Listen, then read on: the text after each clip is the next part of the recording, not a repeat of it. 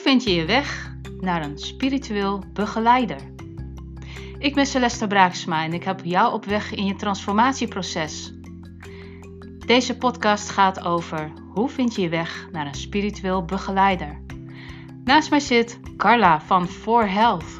Hoi. Hallo. Hoi. Nou, Ja, hoe, ehm, hoe doe je dat? nou weet je, in e- eerste instantie moet je het ontdekken.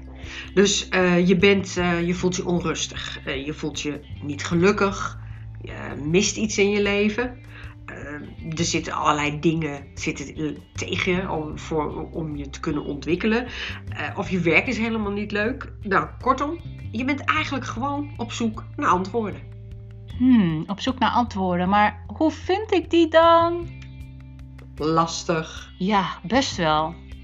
We strukkelen allemaal wel een beetje mee. Tenminste, ik heb het wel eens meegemaakt, denk jij ook wel, hè? Ach, tuurlijk. Ja, Nog steeds. ja. Maar waar begin je mee? Googelen? Ja, ik zou beginnen. eh, eh, ja, dat kan. Mm, Maar misschien moet je ook eerst eens even in je omgeving vragen.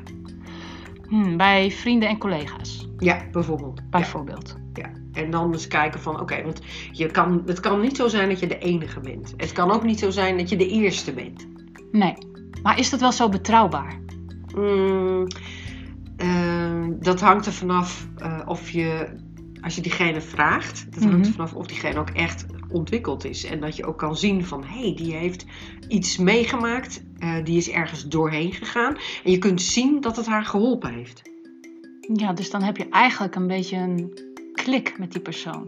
Je hebt een klik met die persoon, maar je hebt ook een, een soort van referentiekader dan. Ja, Dus als ze zegt van nou, ik ben bij eh, Huppel de Pup geweest en dat heeft me heel erg goed gedaan. En dan kan jij gaan kijken van, ja, is dat ook wel zo? Want het is natuurlijk een beetje gek om dat meteen te zeggen van nou, volgens mij heeft het helemaal niet geholpen.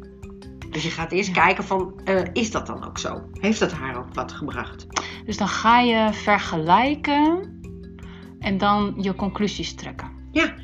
Hm.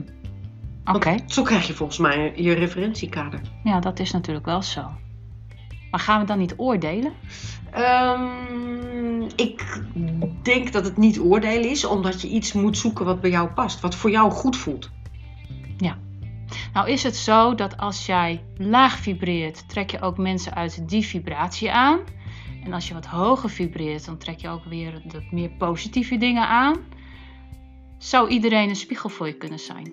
Mm, ik denk dat je van iedereen iets kan leren. Dat denk ik echt. Ja. hè? En dat denk jij ook volgens mij.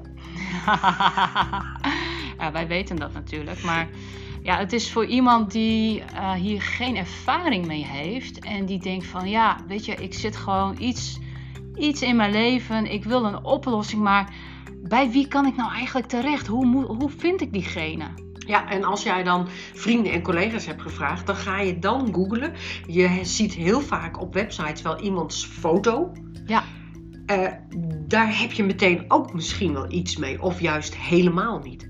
Nou, weet je, als ik een video zie van iemand, dan kan ik ook het gedrag bekijken. Ja. Dan kan ik ook zien van, hé, hey, past dat bij mij?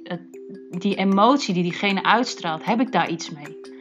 Ja, dat klopt. En, en, en als je het dan nog niet zeker weet, dan zou ik eh, diegene niet een mailtje sturen van ik wil graag een afspraak met jou maken, want mijn leven moet eh, eh, een andere wending hebben. Dan zou ik diegene ook eerst bellen, omdat je dan ook via de stem ook kan kijken van of je iets hebt met diegene. Ja, dat is wel een hele mooie, want een stem is net als de ogen. Het, het zegt iets over de ziel van diegene. Hè? Ja, Hè, dus ehm, ja, als dat gelijk klikt, dan is het goed. Maar heb je zoiets van, "Nou, ik weet niet, mijn onderbuikgevoel gaat spreken, doe het dan niet. nee, precies. En dat is dus het punt wat je moet gaan leren, je onderbuikgevoel. Je moet weer luisteren, Mhm. leren luisteren naar je onderbuikgevoel.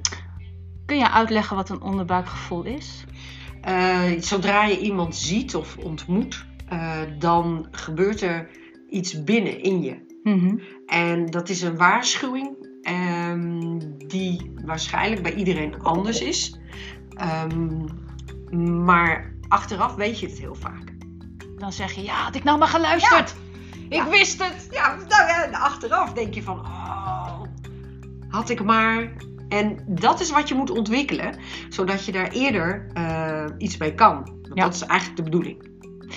Soms kan je ook het gevoel hebben van iets voelt niet goed in de zin van dat je buik bijvoorbeeld helemaal bij elkaar trekt. Ken je dat? Dat Ja. je denkt van, oh, dit voelt zo niet oké. Ja, ja. Ja, dan is het eigenlijk al een no-go. Ja, precies. En dan, dan ga je daarna, als je een afspraak hebt gemaakt, dat je denkt, oh, dit was toch echt niet zo'n heel goed idee. Nou, dan mail je diegene natuurlijk. Dan zeg je van, hé, hey, dit was leuk voor een keer, maar eh, dit was het. Ja, precies. En, en ik, wat ik zelf ook in mijn praktijk heb gemerkt, is dat mensen ehm, een afspraak maken naar aanleiding van een telefoongesprek.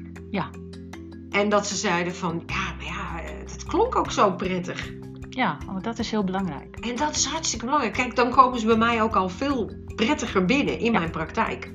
Omdat ze al zoiets hadden van, ja, het telefoongesprek was al goed. Precies. Ja, dat Ja. is echt hartstikke belangrijk. Die ervaring kan ik met je delen. Maar soms worden mensen ook doorgestuurd, hè? Want jij bent degene die de oplossing is van het probleem. Ja, ik, maar dat is ook waarmee ik altijd een gesprek begin. Is wat is het eigenlijk de bedoeling? Wat wil jij eigenlijk dat ik voor jou doe? Ja. En eh, dan eh, heb je eigenlijk al een hele goede ingang. Vind ik. Zo van, hé, hey, eh, ze weten het niet. Nou, dat is prima. Dan gaan we ze op weg helpen. Dat is Ja. geen enkel probleem.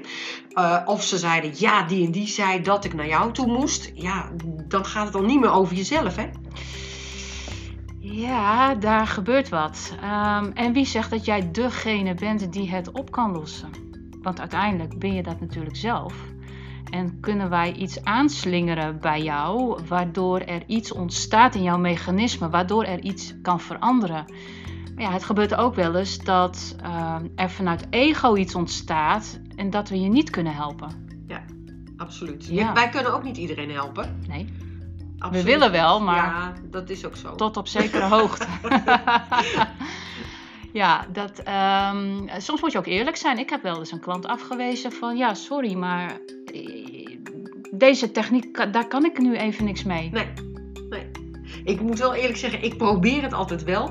Maar meestal na de behandeling merken we dan, eh, zowel ik als, de, als de, de cliënt, merken we dan wel van, hmm, dit wordt het niet. Ja. En dan moet je het ook gewoon benoemen. Ja, absoluut. En je merkt, eh, daar hoef je ook helemaal niet bang voor te zijn, want je merkt gewoon aan mensen dat ze dat alleen maar op prijs stellen. Ja, dus als we het dan hebben van de eerlijkheid van de therapeut of de spiritueel begeleider, wat doen zij dan? Wanneer het gewoon niet kan, of niet past, of, of, of, dan vertellen ze jou eerlijk: ja, het spijt me wel, we kunnen je niet helpen, maar misschien dat die en die, dat je wordt doorverwezen naar iemand die wel geschikt is voor jouw probleem. Ja, en kijk, wij hebben natuurlijk als therapeuten een heel groot netwerk. Precies, En daar mag je dan op zich ook wel op vertrouwen. dat lijkt mij ook. Toch? Ja. Ja. Nou ja, het is wel belangrijk om te weten, want ehm, er zijn ook genoeg mensen die eh, vanuit een, een hebzucht of een eh, geldbelang eh, jou graag als klant willen houden. Ja, tuurlijk. De, weet je, eh, eh, elke goeroe heeft zijn Giro, hè? Ja, maar goeroe, daar ben ik niet zo fan van. goeroe. Nee, maar ik bedoel, Ja, het gaat om van, eh, eh, ook daarin zijn het, ook in, in, in onze wereld zijn natuurlijk mensen die het voor het geld doen. Dat is heel simpel. Eh, ja, maar vind je, ehm, kijk, we, we hebben het nu toevallig over het woord goeroe. Je mag het ook anders noemen. Eh, mensen die ehm, ineens heel erg eh, goed in de marketing liggen en eh, dat is de persoon waar je naartoe moet en die hebben echt mega volle zalen. Ja, maar zijn die dan ook zo goed of, of zit daar iets anders achter? Mm, ik, dat vind ik, vind ik lastig, want je hebt natuurlijk beide kanten. Dus dat is heel lastig om daar iets over te zeggen. Ehm, als het jou maar iets brengt. Het gaat erom, degene die daar zit, als het die iets gebracht heeft, dan is het toch al goed. Precies. En ook daarbij voel wat het met je doet. Ja. Toch? Ja, en dat is wat je moet leren. Daarom ben je onrustig en daarom lopen dingen tegen. Eh, je moet leren eh, om, ehm, om te voelen wat is goed voor mij en wat niet. Precies. Wat zijn de gevolgen als jij niet naar je gevoel luistert? Dan heb je een les te leren. En soms zegt de ziel: Ja, ik wil leren, want eh, ja, het is gewoon zoals het is. Ik, ik, ik, luister niet naar mijn onderbuikgevoel, maar uh, ja, ik ga het gewoon aan. Ik wil die uitdaging aan. Soms heb je ook iets op je pad dat uh, niet helemaal nou ja, zuiver is of wat niet voor jou bestemd is. Ja, dan kom je in, in, in negatieve emoties te hangen als hebzucht, misbruik of spiritueel misbruik, die bestaat ook. Ego, dingen vanuit eigenbelang of geldbelangen. Um, eigenlijk is dit een stuk waarin angst nogal regeert. En uh, waar uh, mensen goed in zijn die jou ergens in vast willen houden, zodat ze bijvoorbeeld geld aan je zouden kunnen verdienen, is om jouw verleden continu op te rakelen, zodat jij uh, elke keer naar achteren kijkt in plaats van in het nu staat. En ook toekomstgericht. Het is natuurlijk uh, heel leuk om te willen weten wat er over een jaar gebeurt en uh, hoe en wat. Alleen toekomst maken we vandaag. En het is voor, een, voor een maandje is het leuk van, nou ja, we gaan een beetje die kant op. We geven iets mee. Maar eigenlijk een toekomstprognose, je hebt er niet zo heel veel aan. Ik vind, je leeft, wij leven in het nu. Precies. Nu, vandaag. Als conclusie kunnen we vaststellen dat het antwoord in jezelf ligt en dat je gewoon moet luisteren in je gut feeling. Juist. Zullen we het hiermee afsluiten? Absoluut. Oké. Okay. Tot de volgende keer. Tot de volgende podcast.